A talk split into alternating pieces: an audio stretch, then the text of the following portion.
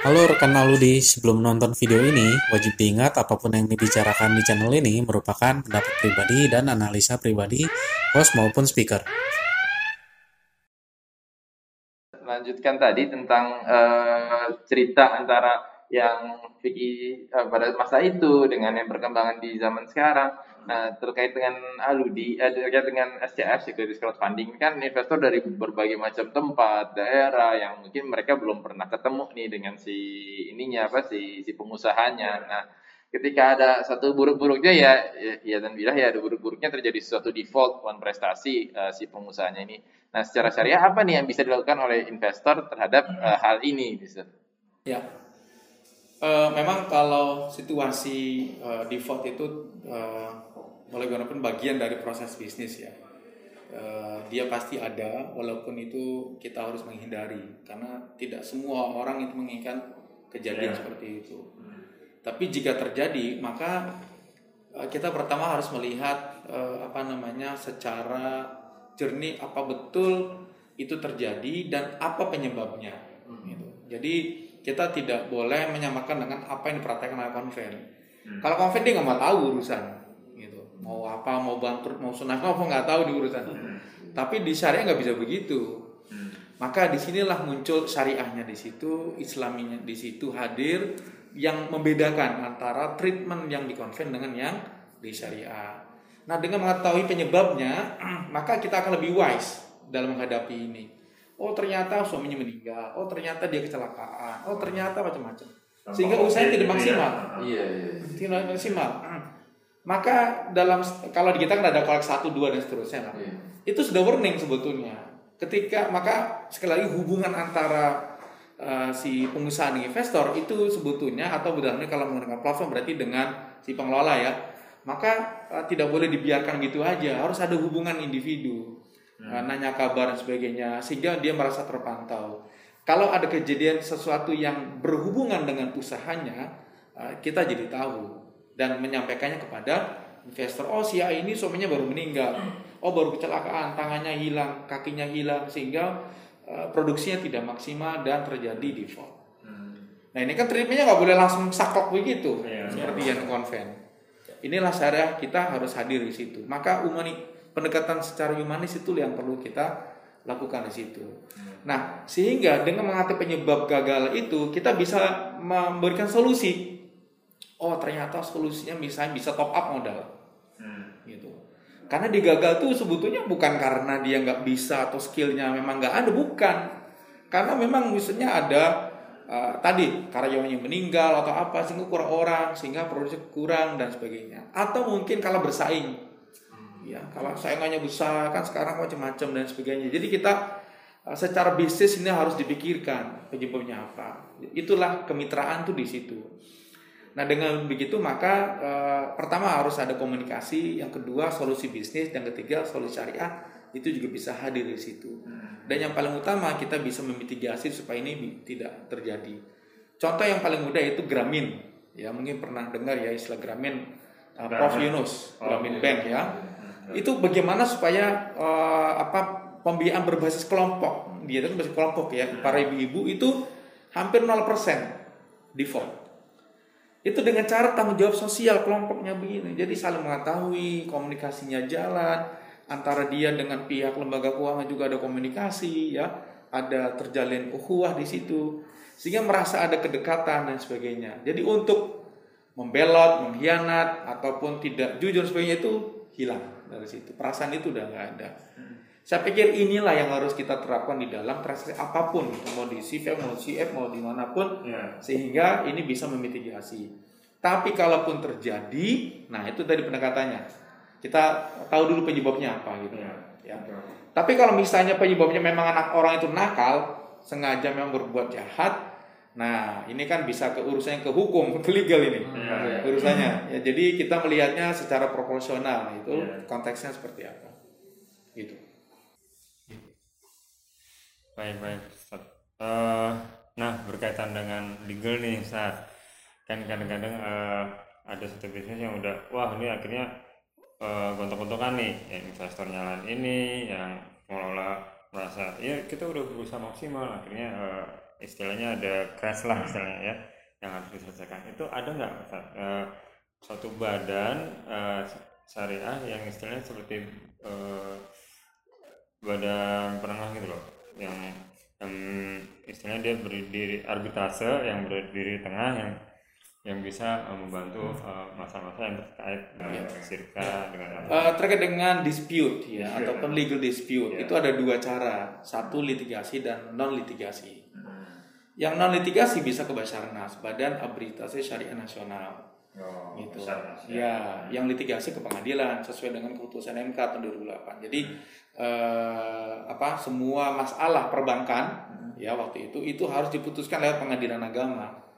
Jadi udah alurnya ke sana pengadilan agama. Ya, ya. gitu. Cuma kan eh, sekarang ini nggak nggak apa belum belum heboh lah gitu ya. Eh, aspek legal dibawa ke eh, ke pengadilan agama gitu. Masih orang belum banyak tahu.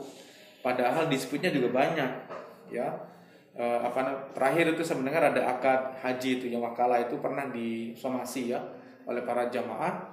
Eh, karena itu sudah sesuai wakalahnya itu jamaah gitu ya. Eh, karena wakalah itu eh, si jamaah merasa apa istilahnya ya tidak tahu kalau itu dimaafkan oleh pemerintah. Gitu. Sehingga si al wakil nih pemerintah ini kan al muwakilnya jamaah nih ngasih wakalah kepada si pemerintah untuk mengelola dana tapi mengelola dananya itu untuk sesuatu yang tidak diketahui oleh si jamaah Ya, ya, betul. Nah, itu dalam istilah fikih itu disebut sebagai eh, apa namanya? eh, apa istilahnya ya? Eh, eh, sesuatu yang tidak diketahui oleh kedua pihak, walaupun baik itu tidak boleh. Nah, itu. Eh, walaupun baik, tetapi eh, kalau tidak diketahui oleh pihak itu itu tidak boleh. Karena eh, ukurannya nggak jelas. Ukurannya itu tidak tidak misalnya misalnya ya pemerintah itu mengalokasikan untuk apa gitu ya. Eh, tetapi tidak diketahui oleh eh, jamaah. Jamaah tidak ridho kan bisa aja. Iya, betul. Terserah dia dong, uang-uang dia kayak gitu. Ya. Eh, maka itu tidak boleh. Nah, dalam konteks ini pernah itu eh, dimajukan eh, tapi akhirnya majunya ke Basarnas karena ini sifatnya yang apa namanya tidak pidana ya, masih masih itu. Jadi ada dua jalur tadi itu. Ya. Eh, apa namanya? Basarnas. Ataupun ke pengadilan agama. pengadilan agama. Jadi pengadilan agama itu tidak hanya berkaitan dengan nikah saja ya, Pak? Oh, ini warisan ya. Tapi ya insya Allah ada jalurnya lah eh, sahabat Aludi yang ingin apa eh, menemui ah, bukan ingin menemui kendala pada saat menjalankan bisnis secara syariah itu ada jalurnya untuk eh, penyelesaiannya ya. Bukan gitu ya Ustaz ya? Ya. Oke, eh, alhamdulillah eh, dari teman-teman kira-kira ada pertanyaan? Tadi ada yang nitip itu Ustaz mengenai wakaf uang itu gimana Ustaz? Kita boleh nggak ya ACF, ACF, ACF ini melak- melakukan wakaf uang dalam suku gitu. Ya, eh, di kontes kita kan kita kenal ada namanya eh, CWLS ya, Cash Wakaf Link Sukuk. Eh, yang sudah tahun 2018 kalau salah di launching oleh BI eh, dengan tujuan untuk membantu pemerintah ya supaya bisa yang non APBN anggaran itu bisa diserap dan bisa dimaksimalkan dengan menggunakan instrumen eh, CWLS tadi itu. Nah, itu sebetulnya ya fatwanya juga sudah ada, tidak ada masalah. Uh, masyarakat bisa kontribusi, ya. Cuma di sini mungkin uh, BI akan juga terlibat di situ. Uh, uh, Kementerian Keuangan biasanya yang akan menjadi apa namanya uh, issuernya atau emitennya. Uh, kemudian apa namanya tetap ada custody ya uh, BI uh, seperti sukuk lainnya nah gitu. Nah cuma uh, yang menarik di sini adalah bahwa objek apa uh, manfaatnya itu itu harus bersifat sosial. Gitu. Misalnya eh, apa ya eh, jalan raya atau santren ya atau madrasah atau apa yang sifatnya umum gitu. Dan diperuntukkan untuk umat Islam. Gitu. Nah, nah ini kan banyak orang yang menganggap wah kalau begitu pemerintah bisa aja buat sesuatu yang bukan untuk Islam kan gitu. Karena negara kita bukan negara Islam. Nah, jadi macam-macam isunya. Tapi anyway ya yang membedakan itu mungkin di sana di manfaatnya itu eh, ini harus yang bersifat eh, apa sosial. dan tidak lupa juga itu nanti ada nazirnya jelas ya karena wakaf itu kan pasti dikelola oleh nazir. Dan kemudian nanti uh, ada juga uh, apa uh, bank yang terlibat di situ bank yang menerima uh, apa namanya uh, dana apa sukuk uh, apa wakaf ini apa uh, ya uh, dari cash wakaf ini uh, lalu disalurkan untuk uh, apa namanya menerbitkan uh, kepada pemerintah menerbitkan sukuknya gitu. Yang konten kalau kami sebagai CF itu eh, boleh saat menggunakan wakaf uang itu atau Boleh, tapi tadi peruntukannya itu Sosial untuk aja. sosial gitu. Namanya enggak wakaf. Iya. Nggak boleh ada keuntung ruginya di situ. Dia, dia, dia wakaf ini kan dia tidak boleh di eh, apa namanya? Tidak boleh diperju di dibisniskan gitu. Jadi tujuannya tujuan untuk yang sosial. Hanya sosial ya. Oke oke. Clear ya. Ya, betul. Oke. Baik kalau gitu eh, dari Mas Kevin kira-kira udah ini. Pak Gunawan. tentang wakaf Ustadz. Jadi memang eh, sepakat bahwa untuk wakaf itu kita eh, gunakan untuk yang sosial ya, untuk bangun pesantren atau apa. Nah, kadang-kadang begini, ini banyak permintaan ke kami penggunaan dana wakaf, dana wakaf dari su- suatu pesantren. Nah, mereka ini pengen eh, dibuatkan suatu usaha malah dari dari wakaf ini. Artinya kan kalau suatu usaha itu sudah terjadi transaksi atau jual beli ya. Walaupun nanti misalnya tra- eh, mereka membuat itu transaksi ini dikelola sendiri oleh mereka sebenarnya, tapi mereka meminta kita untuk memfasilitasi wakafnya. Nah itu bagaimana? Iya. Ya, baik. Sebetulnya kita membolehkan ada namanya wakaf produktif. Iya. Nah, ada yang konsumtif kayak zakat lah ya, ada yang produktif juga. Itu dibolehkan selagi pertanggungjawabannya jelas. Nah ini kan mohon maaf kebanyakan nazir kita nggak jelas. Kenapa? Karena kita belum ada audit untuk eh, dana sosial belum ada. Ini yang sangat disayangkan gitu ya. Jadi audit untuk lembaga keuangan sosial ataupun nazir itu belum ada. Basnas PBI itu nggak ada auditor yang untuk khusus itu nggak ada. Padahal itu penting banget. Eh, termasuk eh, lembaga-lembaga wakaf lainnya ada BWI, ada apa Global Wakaf ya, eh, Domain Duafa dan seterusnya itu. Eh, termasuk zakat juga sama kan ada yang apa dikelola oleh Basnas, ada yang oleh yayasan, macam-macam ya. Nah ini nggak ada auditnya. Apakah betul diperuntukkan untuk yang sosial? Kalaupun dia produktif, selagi hasil usaha itu untuk sosial, in return, kembalinya untuk sosial, itu dibolehkan. Nah cuma siapa yang ngawasi? Nah ini ini yang ini yang nggak ada. Di kita ini miris, miris. Kenapa? Karena sosialnya banyak, zakat wakafnya berubah, tapi auditnya nggak ada, Iya. nggak ada. Itu yang mengawasi itu berhak atas ujroh nggak Ustaz? Atau Ya profesional aja. Nazirnya itu? Maksudnya yang nazir. Eh, kan mis- misalnya gini, bukan yang nazir. Kan tidak ada yang mengawasi nih Iya. penggunaannya auditor lah. ya. Tapi ketika dia akan mengawasi, itu berhak nggak dia atas suatu Berhak. Berhak ya. Persentasenya sesuai kesepakatan atau eh, Nah, ini sesuai- enggak ini enggak diatur sekali lagi karena Oh, nggak ada oke. standarnya. Nah, itu makanya saya terus terang ngobrol dengan Kementerian Agama, ya enggak, itu perlu dibuat standar aturan. Kebetulan saya sendiri eh, sudah beberapa kali memberikan pelatihan tentang audit syariah. Ya, audit syariah ini enggak ada khusus untuk lembaga keuangan sosial. Enggak ada. Ini dengan bahasa saya udah buat internal apa eh, in-house training tentang eh, audit syariah. Ah, jadi saya bilang ke mereka bahwa kita harus ada zakat tuh bagaimana peruntukannya sesuai Iya, gitu.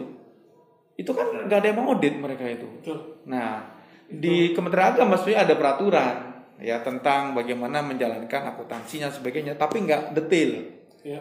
Bagaimana prinsip-prinsip eh, akuntansi syariah untuk eh, lembaga keuangan sosial itu belum banyak tahu. Bagaimana audit syariah yang sesuai itu juga belum banyak tahu. Iya. Itu Ya. Nah, jadi kalau tadi ditanya boleh nggak boleh, yang penting sesuai keperuntukannya syariat. Tapi yang ngawasi siapa kan gitu? Iya. Yang memastikan terus. Nah ini yang kita nggak ada itu. Iya, Betul Ustaz. Karena sepakat saya juga baru belajar ya. Kita tuh menganggap zakat itu seperti sedekah. Iya. Padahal zakat bukan begitu. Jadi zakat itu adalah menaikkan taraf hidup yang dizakati. Jadi misalnya orang miskin, dia kemampuannya nyopir, dia bisa nyopir, dibelikannya mobil dari zakat.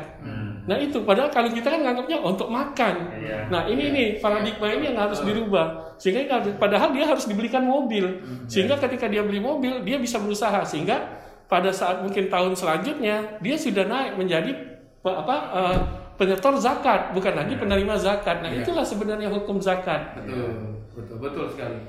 Ya. Baik, Ustaz. Eh, sebentar. eh, jadi eh, kalau nazir itu boleh dapat ujroh atau enggak? Nazir. Nazir tuh gini, kalau bahasa ujur itu kan dia kerja. Nah gitu. Padahal nazir itu bukan kerja. Beda dengan amil. Gitu. Amil, ya. Amil ada peruntukannya udah jelas dengan zakat gitu. Jadi nazir itu dia menyalurkan. Gitu. Tapi memang dia kan pasti mengeluarkan biaya. Ya kan? Itu itu memang ada peruntukannya. nggak mungkin dia apa tidak ada uh, peruntukan atau tidak ada biaya itu nggak mungkin. Nah, cuma kan yang maksud saya itu standarnya berapa? Ya. Itu loh. jadi ini jadi pendapatan. Makanya ini masukan. Nah, BWI itu sekarang mengeluarkan namanya eh, wakaf core principle. Gitu. B- Basnas juga meng- meng- mengeluarkan ada namanya zakat core principle. Di situ diatur semuanya standar, tapi baru standar amilnya yang Basnas, yang BWI belum. Jadi kayak tadi misalnya, kira-kira kalau nazir berapa persen sih boleh menggunakan dananya? Gak ada tuh coba sekarang banyak banget lembaga zakat, apa lembaga wakaf, nggak diatur. Mohon maaf ya, ini kita fair fair aja nggak diatur. Nah ini pertanggungjawabannya siapa? Ke siapa? Gimana umat ini? Enggak diatur, enggak diaudit lagi. Iya, karena dia, dia bertanggung ke siapa coba? ya. Iya. iya. Nah Karena itu. dia diamanahkan ya dari Iya, iya. Maka maka perlu perlu perlu bu- dibuat aturan tentang itu. Baik, Ustaz. Baik, aduh ini eh, udah banyak banget nih eh, insight yang di- kita dapatkan hari ini ya. Nah, dari akad, terus eh, masalah perselisihannya, jaminan kalau eh, jaminan aset perlu atau tidak segala macam. Baik, semoga eh, pertemuan kali ini dapat memberikan manfaat kepada sahabat-sahabat Aludi, terutama UKM maupun para investor, sehingga lebih yakin eh, untuk eh, investornya itu menginvestasikan, menginvestasikan dananya kepada teman-teman di platform syariah dan teman-teman UKM juga lebih clear eh, untuk eh, apa memperoleh pendanaan dari eh, platform-platform syariah sehingga eh, eh, apa ekonomi Islam insya Allah bisa berkembang lebih baik lagi. Baik, terima kasih dari kami. Eh, sekian, wassalamualaikum warahmatullahi wabarakatuh.